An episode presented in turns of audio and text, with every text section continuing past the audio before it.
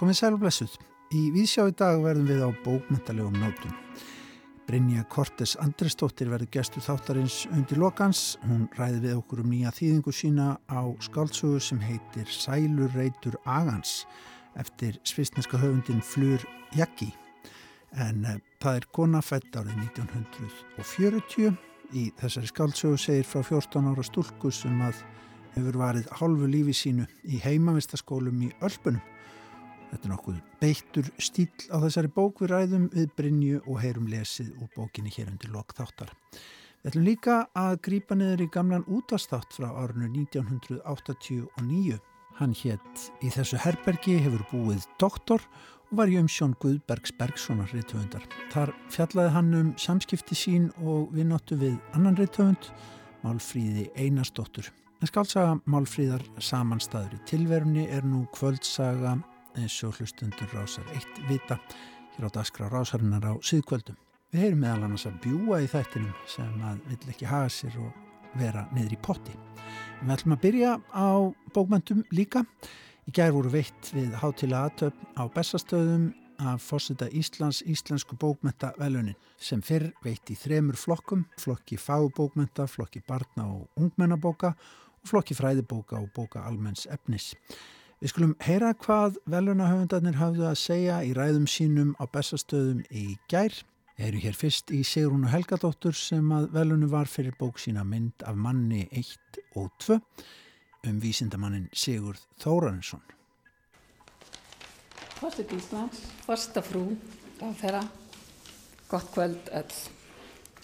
Og bestu þakkir fyrir íslensku bókmyndavelunin sem ég tek við með gleði og stolti og innilegu þakklæti til allra þeirra sem aðstóðu mig.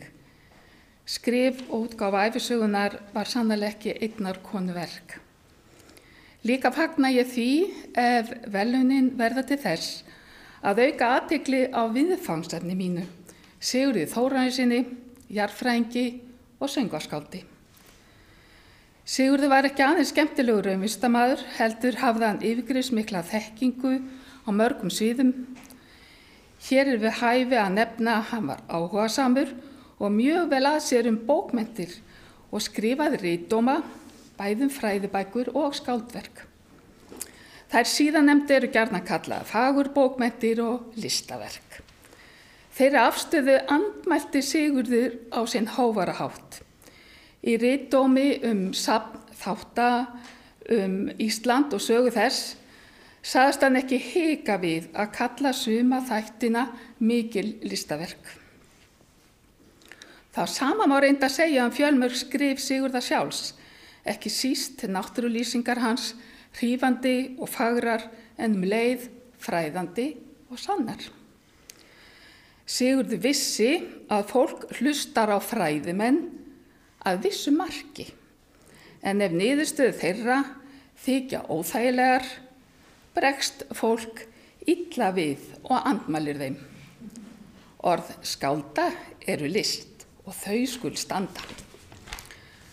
Frá því að Sigurður kom heim frá námi 1945 bóðað hann mikilvægi náttúrvendar, bent á upplástur og landeyðingu, óhóflega framræslu votlendis og ekki síst spjöll og eðileggingu einstakra náttúru svæða með ágangi, efnistöku og virkunum. Jável mývatn var í hættu. Svo fór að Sigurði fekk skáldið Haldur Lagsnes með sér lið. Haldur byrti grein, grein sína hernarum gegn landinu árið 1970. Þá skildu samstarfsmenn Sigurðar sem daglega fyldust með ferðum hans hvers vegna hann hefði átt svo ítrekuð erindi að gljúrasteini. Augljóslega hafði hann verið að menta Nobelskáldir þótt hvorugur hefði hátt um það. Sigurði var eitt sem spurður hvers vegna hann hefði kosað að læra jarðfræði. Hann sagðist þakka það góðum náttúrfræði kennara í mentaskóla. Án þeirrar kennslu hefði hann líklega lagt fyrir sig hugvísindi því að þau hefði verið og væri honum enn hugstæð. Síðan bætt hann við og hér er beint til vittninni Sigurð. Ég er þeirra skoðunar að fátt sé nútíma menningu hættulegra en það að leiðir unnvísinda og hugvísinda skiljist um of og hef einhver tíman orðaða þannig að án raunvísinda sé ekki hægt að lífa og án hugvísinda ekki verðt að lifa á þessari jörð. Svo ítrekka ég þakki mína til samstagsfólks og fyrir Íslensku bókmættavelunin. Takk. Saði Sigrun Helgadóttir í gerðkvöldi á Bessastöðum þegar hún hlaut Íslensku bókmættavelunin í flokki fræðibóka og bóka almenns eðlis fyrir bókina Sigurður Þóransson mynd af manni 1 og 2. En við skulum heyra hvað Þórun Rakel Gilvadóttir hafði að segja. Hún hlaut Íslensku bókmyndavelun í gær í flokki barna og ungmennabóka fyrir bókina Akam, ég og Annika. Fórsett Íslands, fórsett á frú, mentamálar á þeirra, domnemnd, kæru gestir, nær og fjær. Aðeins að draga andan. Í daglegum fréttum byrtast okkur sögur af baráttu fólks fyrir betri tilvist á þessari jörð. Þær koma og fara, dvelja hjá okkur um stund, en flestar gleymast þær með tíð og tíma. Lítilli sögu af átakalegum samskiptum á skólalóð í Þýskalandi átti ég hins vegar erfitt með að gleyma. Hún skoraði mig á hólm fekk mig til að hugsa dýbra en áður um hugrakki, fordóma, réttlæti og náungakærleikan. Í kjölfarið personurnar, personurnar Hrafnildur, Akam og Annika við. Sköpuðu með mér spennandi atbyrðarás og sannfærðu mig á endanum um að skrifa sögu sína. Þannig varð bókin Akam, ég og Annika til. En ég skrifaði þessa sögu líka vegna einlegs áhuga meins á íslenskri tungu. Ég er þeirra skoðunar að leggja beri miklu meiri áherslu en nú á skapandi tjáningu. Að kenna í börnum og unglingum allskynsi leikni í ræðu og reyti með töfra íslenskunar að vopni en auðvitað líka bækur. Það er sorgleg staðrind að skólum er mjög þraungur stakkur skorinn þegar kemur að bókakaupum. Og mér langar nota tækifærið og skora á mentamálar á þeirra að bæta um betur og tryggja að grunnskólum sé kleift að kaupa í það minsta eina bók fyrir ne hvern nefnanda ár hvert. Og þá kemur að þakklætinu og ég fæ bara næstum því svona verki magan, ég er svo þakklátt í dag. Lesendu mínum langar mig til að þakka að hafa tekið bókminni með opnum hug og hjarta. Félagi bókaútgefenda þakka ég þennan heiður. Hann er mér mjög mikilsvirði. Kennurum og samnemundum í Rítlist við Háskóla Íslands þakka ég ómetanlega samfyllt og mögnuðu Marjurán og Þorgiru Öllu sem hér sitja útgefundu mínum hjá Angústóru þakka ég trú og traust frá hæversku handriti að nú verðluna bók. Elsku vinir mínir, allir, takk fyrir að varða leið mína af mikilli væntum þykju. Og elsku börnin mín, Kári og Kristín Björk í Kaupmannahöfn, Fjalltís, og Gunnar Jarl, minn yngsti sem hér situr. Takk fyrir að styðja mig, elska og augra. Ég skilða vel að það er ekki alltaf auðvelt að eiga mömmu sem hugsa best á hreyfingu. Dansar stundum ein á nóttunni inn í stofu til þess að finna eirð til að skrifa stund og stund.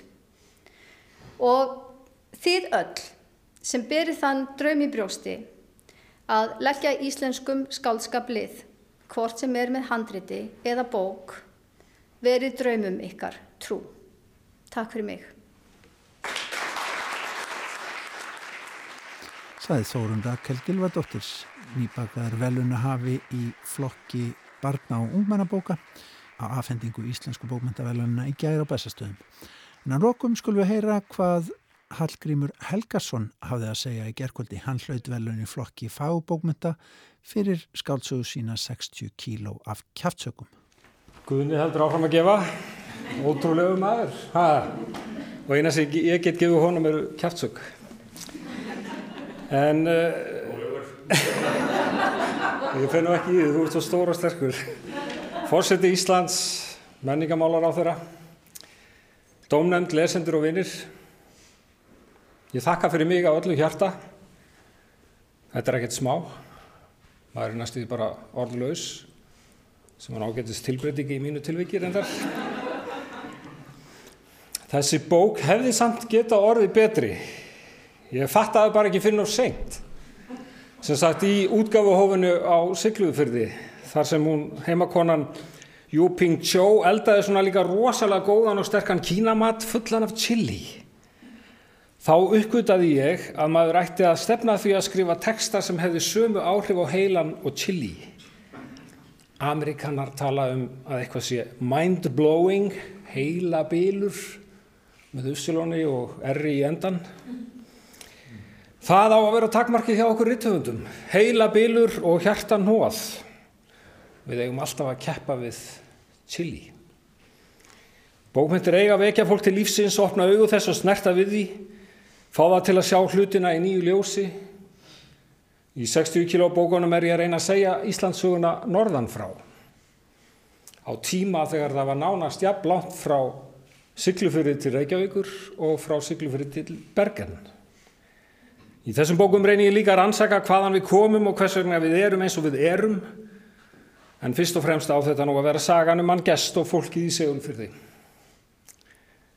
Í ævintýri sem heitir stundum Færi lúsa rassinn segir af manni sem gengur þar inn, inn í lúsa rassinn og þar opnast honum grænar engjar svo langt sem að augað eigir.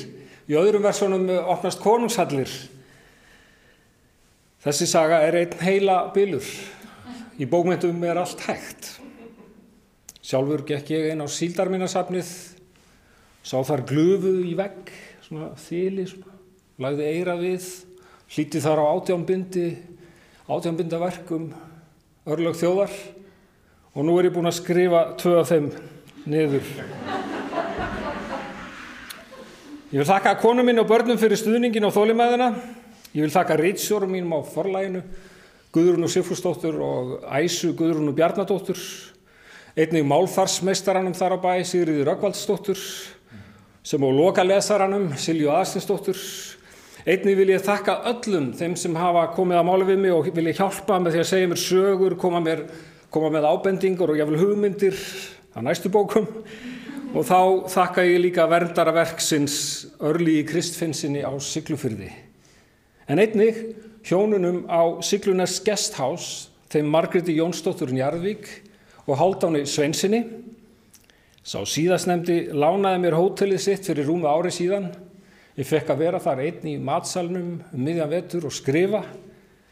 Eina skilirðið, sagði hann, er að þessi bók verði enn betri enn hinn. Besta áskorun sem ég hef fengið. Takk fyrir mig. Saði Hallgrimur Helgarsson á bestastöðum í gerkvöldi og þá erum við búin að heyra í öllum velunahöfunum þremur sem að tóku til máls á bestastöðum í gerkvöldi. Þeim Hallgrími, Sigrúnu Helgadóttur og Þórunni Rakel Gilvadóttur. Rétt að óska þeim öllum til hamingju með velunin. En áframhaldum við að huga að bókmyndum því að kvöldsaga rásar eitt sem hlustendu geta notið á síðkvöldum þessa dana samanstæður í tilverunni eftir Málfríði Einarstóttur hefur mælst vel fyrir. Það er Steinun Sigurðardóttir sem að les söguna. En í útastætti sem að Guðbergur Bergson hafði umsjón með hér í útvarpinu árið 1989 sagði hann af kynnum sínum og málfríðar. Við skulum grípa niður í hennan þátt. Við heyrum hér meðal annars af bjúa sem að vill ekki haga sér og vera nýri potti. Ég var ekki eini leiðjandin hjá málfríði. Íbúðin hennar var þannig gerð að þegar inn var komið upp stígan var herbergið mitt á ganginu móti dýrunum. Við hlýðin af því var stór stofa með miklum gluggum. Þar reyðraði hún um sig og nöyt allar þeirra sólar sem skein. Á móti stofunni hennar var eldúsið, en inni af ytri ganginum var annar eða hól. Að því lágu tvö herbeggi. Þau leiði Ingi Björg Benedistóttir, kona á svipuðum aldri og málfríður. Hún var há og myndarleg frú frá Akureyri sem virtist vera alltaf innilega glöð. Ingi Björg var svo ljóðelsk að málfríði fannst nógum. Ef hún vittnaði ljóð stóð Ingi Björg aldrei á gati. Fyrir eitt ljóð sem málfríðu tuldraði fór Ingi Björg leikandi skærum rómi með fimm eða sex. Slíkur ljóðalestur og aðrar umræður okkar í milli fóru fram í eldúsinu. Eldúsið var hlutlaust svæði, samkómustadur, þar sem við blönduðum geði hvert við annað. Það var málað í dimbláum lít í einhvers konar alvahallarlít. Við virtum hvert annað í daglegri umgengni og vorum aldrei inni á herbergjum eins og það heitir í heimavistum. Vegna þess hvað eldúsi var dimmblátt var byrtan í því ekki sem best. Það var fullt af skuggum og þægilegri dölúð. Maður satt þar hjúpaður töfra byrtu sem bauð upp á dularfulla og fjaska ljóðræna atbyrði. Við elduðum öll á sömu eldavél og hafið hvert okkar sína plötu til þess að aldrei yrðu áreistrar yfir pottunum. Á þessari eldavél brann havragrauturinn við hjá málfríði, gufan stóð upp af fiskinum hjá mér, en kryttilm lagði af réttum yngibjargar. Það var eitt sinn að málfríður hafði sóðið sér hossabjúa. Ég sögð mér fisk að vanda, en Yngibjörg ætlaði bara elda grónagraut. Með því að málfríðu þurfti rétt að hýta bjúað var það tilbúið á undan máltíð okkar Yngibjörgar sem átti talsvert að búsáhöldum. Hún var sannköllu frú. Meðal annars átti hún nokkra stóra og heimilislega potta. Í einum þeirra matlaði grónagrauturinn. Hún var ekki í eldúsinu þegar Málfríðu veiti bjúað upp úr potti sem hún átti en var kannski fremur kastarhóla en pottur. Eins og allir vita eru hrossabjúu nútímans í rauðri gljáandi görn úr plasti sem gerir þau af að sleipað utan. Það er næstum engin leið að komast inn úr plastgörninni nefa með því að reka snögt í hana annað hvort oddkvassan hníf eða gaffal. Maður verður að beita bæði talsverðu afli og lækni. Þess vegna var það að því að málfríður rak gaffalinn kannski óþáflega mikið á ská í bjúað og alls ekki nógu fast til þess að tindarnir gengju inn úr plaskörninni, þá skrapp það undan. Ég satt við eldursporðið og beð þess að kartöfluna mínar soðnuðu. Allt í einu heyrði ég að eitthvað mjúkt skall í vekkin eins og svampbolti og hoppaði burt. Ég leit upp og sá að málfríðu stóð fyrður lostin með gaffal og hníf á lofti og sagði hvert fór það. Við leitðum vandlegum eldúsið en þegar við vorum orðin vissum að bjúa fyndis hverki, hættum við leitinni. Málfríður var sannfærðum að draugurinn hefði hrifsað það til sín. Rétti þessu sigildi Yngibjörg brosandi inn í eldúsið til að gæta grötnum sínum sem var svoðinn. Hún fór að bauka við pottin og færa upp grötin. Það tók hann að talsverðan tíma. Á meðan væblaðist málfýður um. Hún gerði það oft, væblaðist um eins og setning eða ljóðlína í munni skálds, uns hún finnur sitt rétta form og þýtur inn í tekstan í bundið eða óbundið mál. Þannig væblaðist hún um í skáldlegri leiðslu. Þegar hún hafði sest nýpin á stól, sneri Yngibjörg sér að hinn og spurði Ætlað þú ekki að borða neitt í dag, málfríðu mín? Nei, svaraði málfríður.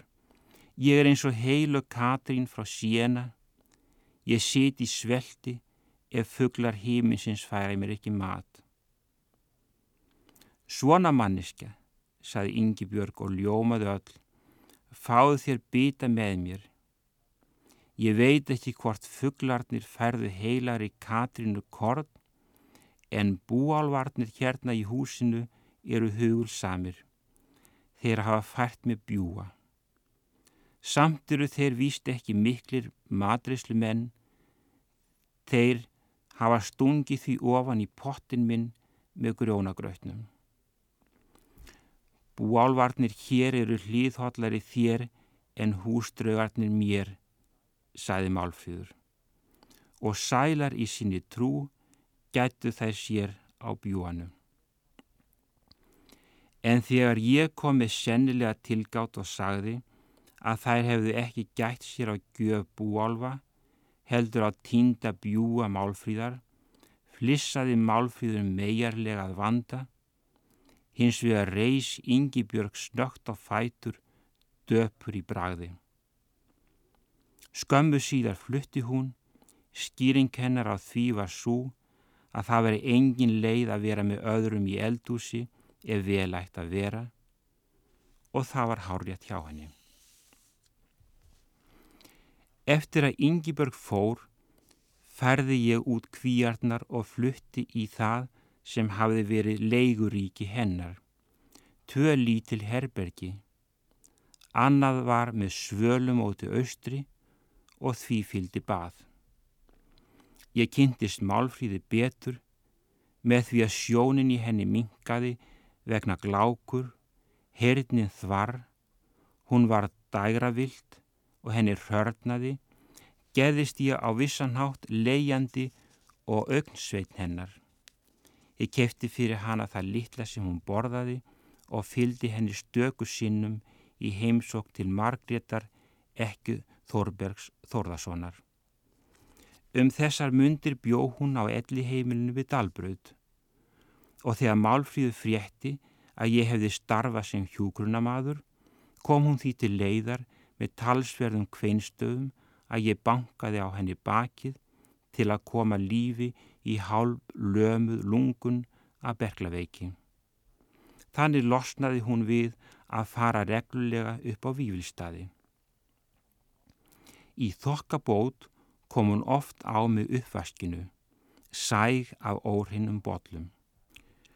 Hún var orðin svo fræg af bókum sínum að umbóta sinnaðar velstæðar og rótækar konur á degurkantinum í fjölskyldu og þjóðlífunu sóktust eftir að heimsækja hana, drekka með henni kaffi, geta með unaðar umli marmarakökur úr ringformi og dvelja stundarkort með því sem ég heyrði að þær kölluðu, þú ert aldið kraftaverk. Málfjör átt að sanna að allt er áttræðum konum fært. Fyrir þeim var því ellin ekkert dónaleg. Maður heyrði hvernig þær reyndu að framlengja stelpuskeið sitt með skríkjum á víksl við dillandi hlátur menta kvenna eða þær ráku upp rauðsokkulegan roknarlátur. Þær tömdu sér tilgerðalegt látleysi og reyktu danska dömu vindla.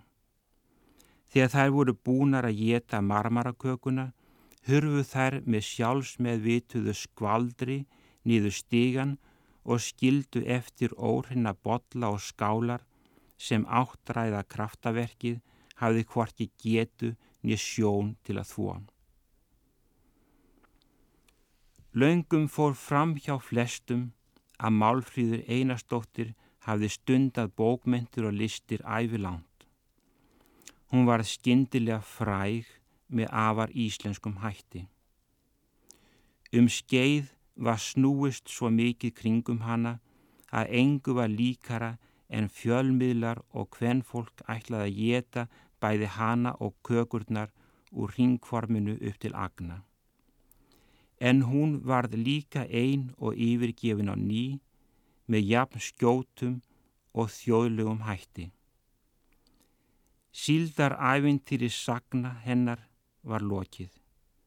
Ekki snýrist um hana annað en dapurlegu tómleiki. Í ellinni átti gamla konan jafn erfitt með að átta sig á hrifningu kvenna en síðan tómleiti þeirra og hún hafði ekki átta sig á lítillir hrifni karlmanna að verkum hennar meðan hún var ung en tómleikin var svo sami. Þegar Málfríður Einarstóttir frá Munaðanesi var um áttrætt, gaf hún út sína fyrstu bók. Láti var í það skína að hún hefði byrjað að skrifa á elli árum, líkt og sumir karlar fara þá að mála. Hún þótti sína einstaka snild í þeirri bók. Sannleikunum var aftur á móti sá að hún hafi verið að skrifa alla æfi. Hún var ein af þeim manneskum sem lifa og hrærast í bókmentum frá fyrstu tíð á samt sýstu sinni Sigriði Einarstóttur frá Munaðnesi. Líf sístrana var mótað af sterkri listþrá og þörf fyrir andlegar vítir. Þær höfðu farið ungar til útlanda millir heimstyrjaldana með það í huga að tengjast listum og menningu hins svonemda stóra heims og reyna síðan að stuðla að því að íslensk list yrði alþjóðlegri en hún var á þessum tíma. Að þeirra skilningi var þjóðleg list alþjóðleg. Þetta átti ekki einvörðungu við bókmentir heldur aðra listgreinar. Málfríður hafði til að mynda príðilegt vit á myndlist, næman smekk fyrir litum, gildi þeirra, hvort sem þeir voru einstæðir, samstæðir eða runnu hver inn í annan. Hún saumaði fagurlegi teppi og hefði tekið undir með ítalska skáldinu Unga Retti þar sem hann segir í ljóði. Teppi Sér hver litur breyðist út og er ofinn í marga liti. Þannig verða þeir einmannalegri ef þú skoðar. Og Málfríður var mjög geiminn á form, myndi vel það sem hún sá, var formræðin sem manniska í stíl, framkomu og sem skáld. Hún var samofinn listinni og listinnar voru henni eðlilegar. Hún myndi eftir sumum smastu atriðum í verku Mikael Angelos í sístinsku kapitun í Róm þótt hann hefði séð þau aðeins einu sinni. Á ferðalagi með Margréti konu Þorbergs sem hafði það eitt að segja um Péturskirkuna, hún er feikilegt gímald. Hjá Málfríð var ekki að finna slíkt gímald tómlegra viðbræða við afregum í listum eða vísindum ekki einu sinni gamni. Allt sem hún sá í útlöndum var vandlega skoðað með það í huga að flytja það í huganum heim, að færa öðrum þó ekki væri annað en fátæklegur ómur af fegurðinni. Með því að sísturna voru fremur snöyðar reyndu þær í dvölsinni erlendis að hafa ofana fyrir sér með því að sauma eða þjóna á heimilum. Málfríður komst á unga aldri aðeins til Danmerkur en Sigriður allarleiti Þískalands. Með því að hún hafi lítið fjö hand á milli og þískir kennarar voru dýrir og hana skorti nægilega undirbúningsmentun til að komast í skóla þá fekk hún tilsögn hjá ungum erlendum námsmanni sem kendi þýsku og kynnti henni menningu landsins og bókmyndir. Laungu setna átti hún eftir að fá bríð frá honum þegar hann varð fósetti Tjekkoslovakju. Þótt Málfríðu fær til Danmerkur var draumur hennar að sjá Frakland. Hún talaði oft um draum sín að komast til Parísar ef ég var á leið suður á bógin. Mér dætt í hug að taka hana með í viku og hún mæltist til þess svo hún sæi París. En jáfnvel ég sem gef lítið fyrir venjubundin viðhorf var svo bundin þeim að mér fannst það vera óviðeigandi. Af frönskum skáldum dáðu hún mest Baudelaire. Ég leik fyrir hana tónlist við eitt af ljóðum hans, bóðið í ferð, en kannski hefur hún aðeins notið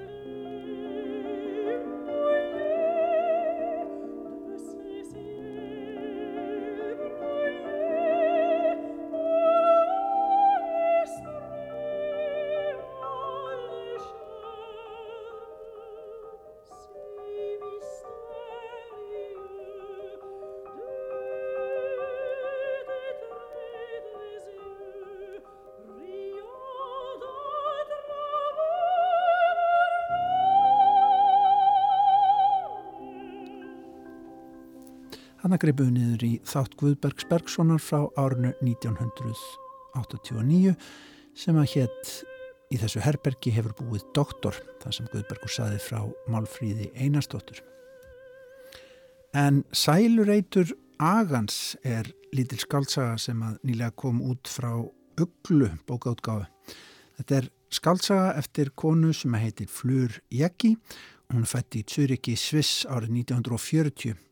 Bókin gerist í heimavistaskólum, lýsir unglingsárum stúlku sem verðist reyta æfimenningar sínar um tíman nokkur síðar. Þetta er óvenlega lítil skáltsaga sem að Brynja Kortes Andresdóttir hefur þýtt. Við skulum heyra lesið úr bókinni og ræða síðan um Brynju. Þetta var eitt daginn yfir hátegismatnum. Við vorum allar sestar. Ný stelpa gekk inn. Hún var 15 ára. Það glampaði á slett hárið eins og nýfsblað. Íbyggin augun voru starandi og hörkuleg, nefið var arnarnef. Þegar hún hló, en hún hló ekki oft, glitti í beittar tennur. Enni var hátt og fallegt, þar náðu hugsanir að snertast. Þetta var enni sem fyrir kynslaður höfðu arleitt að hæfileikum, gáfum og personutöfrum. Hún talaði ekki við neitt, hún hafði yfirbræð átrúnaðargóðs, full vanþóknunar. Kanski var það vegna þessa sem ég vildi vinna hug hennar. Hún var ekki mennsk og svo leit hún út eins og henni væri flöggurt. Það fyrsta sem ég hugsaði var hún væri komin lengra en ég. Þegar við stóðum upp, gekkið til hennar og sagði bonjour. Hennar bonjour var stuttaralegt. Ég kynnti mig fullu nafni eins og nýliði og þegar ég hafði heyrt nafn hennar virtist samræðanum lokið. Hún skildi við mig þarna í matsalnum innan um bladrandi stelpunar. Við erum að tala um Fleur Jaggi, eða sem ég segja Fleur Shaggi, Já. það er eitthvað á reiki. En hún er svisnuskur rithöndur, fætt í Súrik 1940, en hefur búið á Ítalíu öll sín fullarnsár og skrifar á ítalsku. Einmitt, kemur þú að, að þessu í gegnum ítalst bókmyndasammingi? Er þetta stórhöfundur á Ítalíu til dæmis? Um, Já, stór og stór, hún er ekkert svona rosalega fræð eða, og hún hefur ekki skrifað neitt brjálaðislegt magn, Nei. allavega ekki í blaðsíðum talið. Þetta er ekki stór bók. Nei, en hún er ótrúlega stór samt, sko, þótt hún sé bara 140 blaðsíður, þá er hún, ég var nátt hissa, ég var eitthvað að skoða hana áðan og ég var eitthvað að flett upp ykkur um köplum Já. Og þá voru þeir oft bara svona hálf blaðsíða sem að mér fannst eins og væri heil kapli, sko, þannig að þetta er rosalega svona, það er rosalega mikið í henni. Þetta er kona sem fer ansið dullt, ekki satt. Jú, hún er frekar svona prívat. Ég var lasið hana viðtal í New, New Yorker sem var eiginlega svona nánast öll svörin voru í eins atkvæðis orðum þannig að hún, verist ekkert hún verist svona forðast sviðsljósið daldið. Já, ég held að það sé óhætt að segja það. Mm. En hún hefur farið svona einhver, einhver, eða verið á einhver svona einhverjum bókmyndasamkomum. Já. Þar sem hún hefur verið til viðtals. Hún er ekki alveg undir teppi. Nei, nei. Hún talar ekkert mikið um engalífsitt eða þannig, sko. Fredrik sagði mér að ég væri fagurkeri. Orði var nýtt fyrir mér en hafði strax merkingu. Rithönd hennar var rithönd fagurkera, þetta skildi ég. Hún fyrirleit alltaf fyrirlitningu fagurkerans. Fredrik faldi fyrirlitningu sína á bakvið hlýðni og aga. Hún var prúð. Ég kunni ekki ennað þykjast. Ég síndi skólastýrunni frá Hástættir virðingu vegna þess að ég var hrætt við hana. Ég var reyðubúin að neyja mig fyrir henni. Fredrik þurfti aldrei að neyja sig vegna þess að virðingin sem hún síndi öðrum aflað henni sjálfri virðingar. Og þessu tók ég eftir. Einu sinni, kannski til að dreifa þeirri aðtekli sem ég annars beintað Fredrik, þáði ég bóð á stefnumót með strák af heimavistaskóla í nágrenninu, Rosenberg. Þetta var stutt stefnumót. Það sást til mín og frú Hofstættir kallaði mig á teppið. Hún var breið eins og fataskápur, blá drakt, hvít skyrta, næla og hún hafði í hótunum við mig. Ég sagði að þetta væri bara frendi minn. Það var rétt. Mamma frendans hafði skrifað henni sérstaklega til að brína fyrir henni að gæta þess að ég færi ekki að hitta hann. Ég þótti skráta. Hún klöknaði. Hvert var hann farin, allur krafturinn sem bjó yfir þegar ég var átt ára, öryggið og valdið. Þegar ég var átt ára veldi ég yngri af stúlkunum sérstaklega fyrir mér. Þær voru allar eins, fyrirlitleg lítilmenni. Ég fæ mig enn ekki til að segja að ég hefi orðið ástfangina Fredrik. Það er setning sem mjög auðvelt er að segja.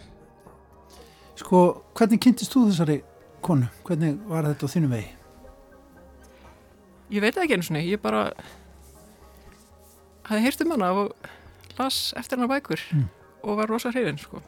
Er þýða, starf þýðandans, er það, uh, snýst það meðal annars um það að vera með alla klær úti svona þeirra og fylgjast með tungumálinu sem það þýttir úr? Sko nei, ég myndi ekki segja það, því of, ef maður finnur eitthvað sem maður vill þýða þá vill verður lengið gefa það út hvað sem er, þannig að ég held að sér ekkert að vera of mikið að velja þetta sjálfur, Nei. en samt ugla er mjög svona, gefur ímislegt út, Já. spennandi. Hugsa maður um svona stílinn á þessari bók, hann er aldrei sérstakur. Já, mjög, sko, myndi ég segja. Eða bara, eh, sko, hennar stíl þessu höfundar er mjög, ég verið ekki lesa neitt þessu líkt, sko. Hvað er það sem einkennur hann? Þetta er mjög knappur stíl og rosalega svona kraftmikill. Bara svona lýsir einhverju svona hugar ástandi en maður hefur alltaf tilfinningu að hún sé ekki alveg að segja manni allt. Já. Einmitt, það er aldrei stert við lesturinn að maður, maður eins og vill lesa milli línana Já. en samt veit maður ekki alveg hvað það ætti að vera. Nei. Og svona eins og, eins og þessi bók, manni finnst hún fjalla náttúrulega rosalega mikið um það að vera yfirgefin og einmannleika, en þetta er ekkert sem hún er að tala um. Maður bara, ef bókin fjallar um Mm. stelpu sem er að mestu leiti bara alveg upp á heimaðustaskólum og í rauninni hefur rauninni verið bara yfirgefin. Mamminar er flutt til Suður Ameríku og pappinar er mjög svona fjarlægur hún kallar hann herr doktor þegar hún hittir hann en hún er samt ekkert að fjalla mikið um þetta sko. Svo býr hún þannig í svisnuskum heimavestskóla við einhverja svona í einhverju svona, einhverju arkadíu sjúkleikans eins og hún kallar það. Þetta er svona ofbáslega fallet umhverfi mm. og heilbrygt lífverðni og allt rosa skipulagt og svona vissanhátt rosa fullkomið en líka svo, sem er einhverju rosalega andstæði við kannski innra líf. Einhvern veginn sjúkt undir yfirborðinu finnst mann líka. Já, mjög sko. En líka náttúrulega þetta er svolítið að þetta er líka náttúrulega svona unglinga veist það er náttúrulega dauði bara á hverju síðu hérna. En það er líka kannski doldið unglingalegt. Og þetta er náttúrulega unglingar sko að vera upptökin af forgengilíkanum og Massíf gelga þenni gangi. Já, það er það sko. og og svo líka bara rosalega leiði. Það er bara aðal sögu hetjan er bara þarna að býða eftir að lífið geti hafist mm. þegar hún losnar út. Og svona þráir hið sanna líf en svo er, þetta er svona, hún er svona að líta aftur til þessara ára og þegar, þegar hún held að lífið var ekki byrjað og þá sér hún svona kannski var þetta toppurinn Já Fredrík var farin að horfa á mig. Ég fann fyrir þunganum af augnaráði hennar á mér. Það gætt verið eins og högg í bakið svo ég snýri mig við. Stundum fann ég að hún horfið á mig við matarborðið og þá rétti ég úr mér og borðaði svo virðulega að ég borðaði eiginlega ekki neitt. Í morgumat fekk ég mér samt tvær eða þrjár bröðsnegar með smjur og sultu. Jafnvel þótt hún væri að horfa á mig. Ég vel líka að játa að ég hugsaði ekki um annað en morgunmatin. Þegar ég dýfði brauðin í mjölkurkaffið var það af andartags græðki og hugsunarleysi. Mér síndist Fredrik brosa af umburðalindi reiknaði ég með. Nú langaði hann að umgangast mig og fyldist með mér og fjarlagð. Frá fyrsta degi vildi ég vera með henni og vera með henni þýtti ég rauna ég þyrta að taka upp hennar hugsun, vera vitorsmaður hennar og forsma á allar hinarstelpunar. Eins konar sistralag eða fóstbræðralag Þannig var þetta frá fyrsta degi, frá þeirri stundu þegar hún gekk inn í matsalinn of sein. Eða þá að ég þyrta að gangast undir aðtöfl sem hún stýrði. Eitt daginn sagðist hún strax hafa tekið eftir mér en hún sagði það bara til að geðjast mér, þótt hún gerði aldrei neitt bara til að geðjast öðrum. Hugsanlega hefur hún einu sinni sagt að ég væri falleg. Ég bjó augljóslega ekki yfir smekkvísi hennar. Hún var í gráum pilsum, víðum blúsum og peysum, ímist gráum, ljósbláum eða ríkbláum, öllum víðum. Ég átti margar þröngarpeysur og útvíð pils, nýþröngi mittið og ég herti að mittinu eins og ég gat með breyðum beltum eins og næstum allar stelpunar gerði. Það er ekki smekklegt. Víðar peysurnar hengu utan á henni og huldu líkamann svo rétt mótaði fyrir unglingslegum vexti grönnum mjöðmum og innföllnum maga.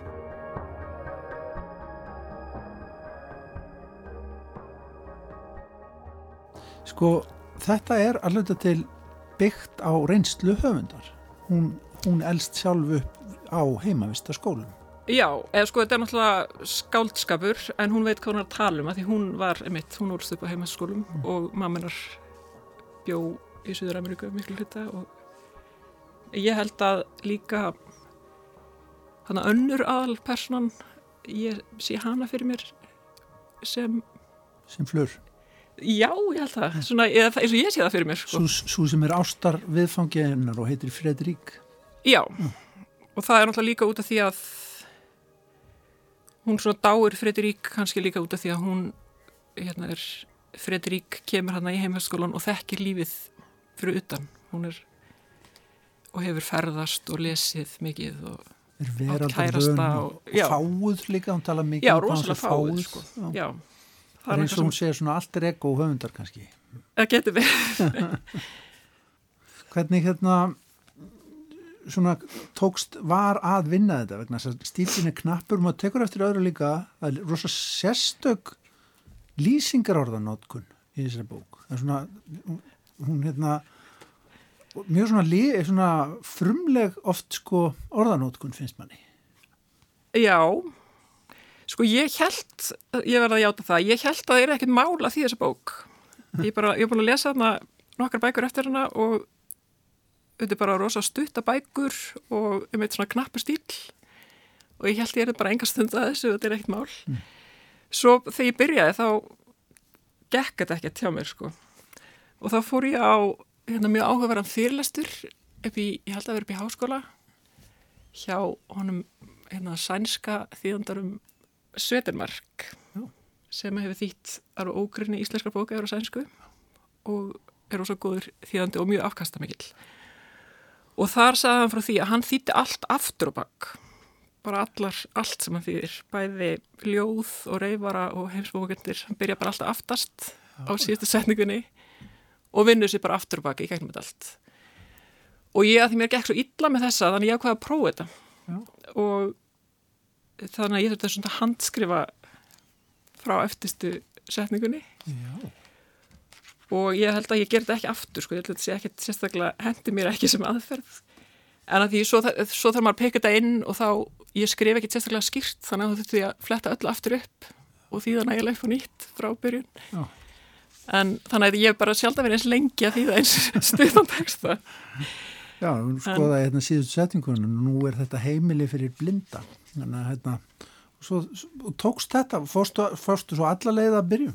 Já, ég svindla aðeins sko en, en ég, já, ég gerði þetta sko Serðu fyrir að, að halda áfram við tíðingar á flur? Um, já, mér finnst það ætti að ætti einhver að gera það sko allavega mm. Þú heilast að þessu? Já, mér finnst hún alveg rosa flott sko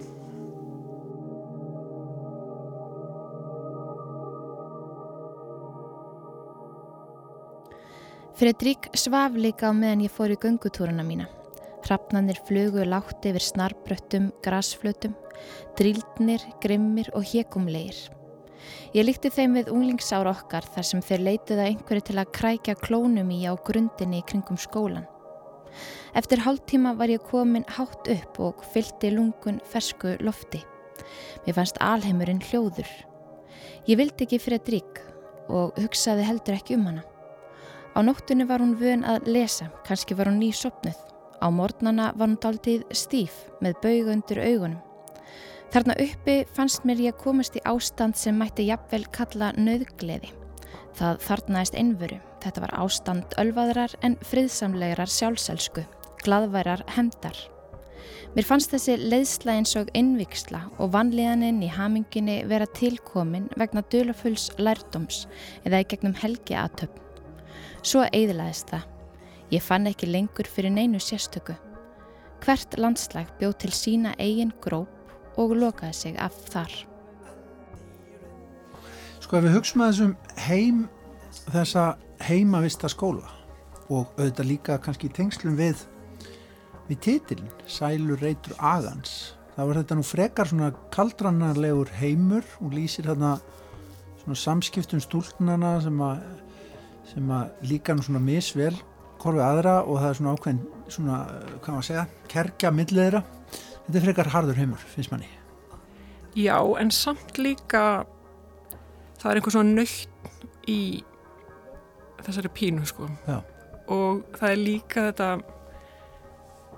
veist, þessi ægi, maður veit ekki alveg hvaðan veist, þetta er líka, þetta er líka eitthvað svona sjálfs píningarægi eða að því það er ekki, það er ekki einhver herægi á þessari stopnun sko, sem hún er lengst af í þessari bók. En það er, eða svona vakna klukkan 5 að hverju mótni og fyrir fjallgöngu og það er eitthvað svona eitthvað, eitthvað sublæm í því sko. Og þá er hún svona upplifið eitthvað svona eh, alveg stórkoslegt en líka mjög mikla þjáningu sko. Þannig að þetta er, þetta er eitthvað svona þetta er ekki, þetta er ekki allslæmt sko. Nei. en það er eins og það er svona eða allavega sæki í í þennan aga samt einhvern veginn, hann veitir einhvers konar skjól. Já, það er náttúrulega kannski ég veit ekki sko, eins og aðal söguhettin, hún hefur bara enga stjórn á neinu. Sko, mammina bara fjárstýrir lífinar algjörlega frá Brasilíu og sendir hann bara á milli hvað hann er að gera næst og hvert hann er að fara og hún hefur verið með þessari herbyggi og spil og píjan og hún hefur enga ekkert um þetta að segja sjálf. Þannig að þetta er kannski bara einhver svona uh, henni finnst þú svo eftirsoknavert að geta einhvern veginn stýrt einhverju það er sem þessi Frederík hefur hún hefur einhvern mjög mikinn sjálfsaga. Og það er eitthvað svona flott við það. Þetta er svona næstu þess að einhver svona anorexistu við þetta. Já. Þetta er einhver, í grunninn einhvers konar saga um vald og valdalessi í persónlega lífi Já, Missa tökin og reyna, reyna að ná þeim veginn. Já, á vissan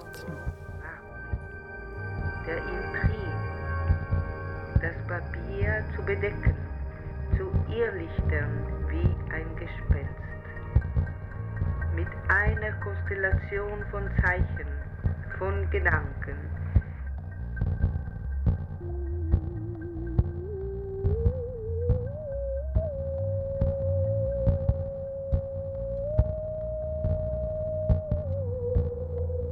Warum wieder lesen? Was geschrieben ist, ist geschrieben. Was geschrieben ist, ist geschrieben. Was geschrieben ist, ist geschrieben. Hér heyrum við rödd Flur Jackie eins og hún kemur fyrir, virðist koma fyrir í gegnum síma á plötu ítalska tónlistamannsins Franco Battiato. Hér áður var rætt við Brynju Kortes Andresdóttur um skálsöguna Sælureitur Agans eftir Flur Jackie. Það var Halla Míja Ólafsdóttir sem að las í einslæginu.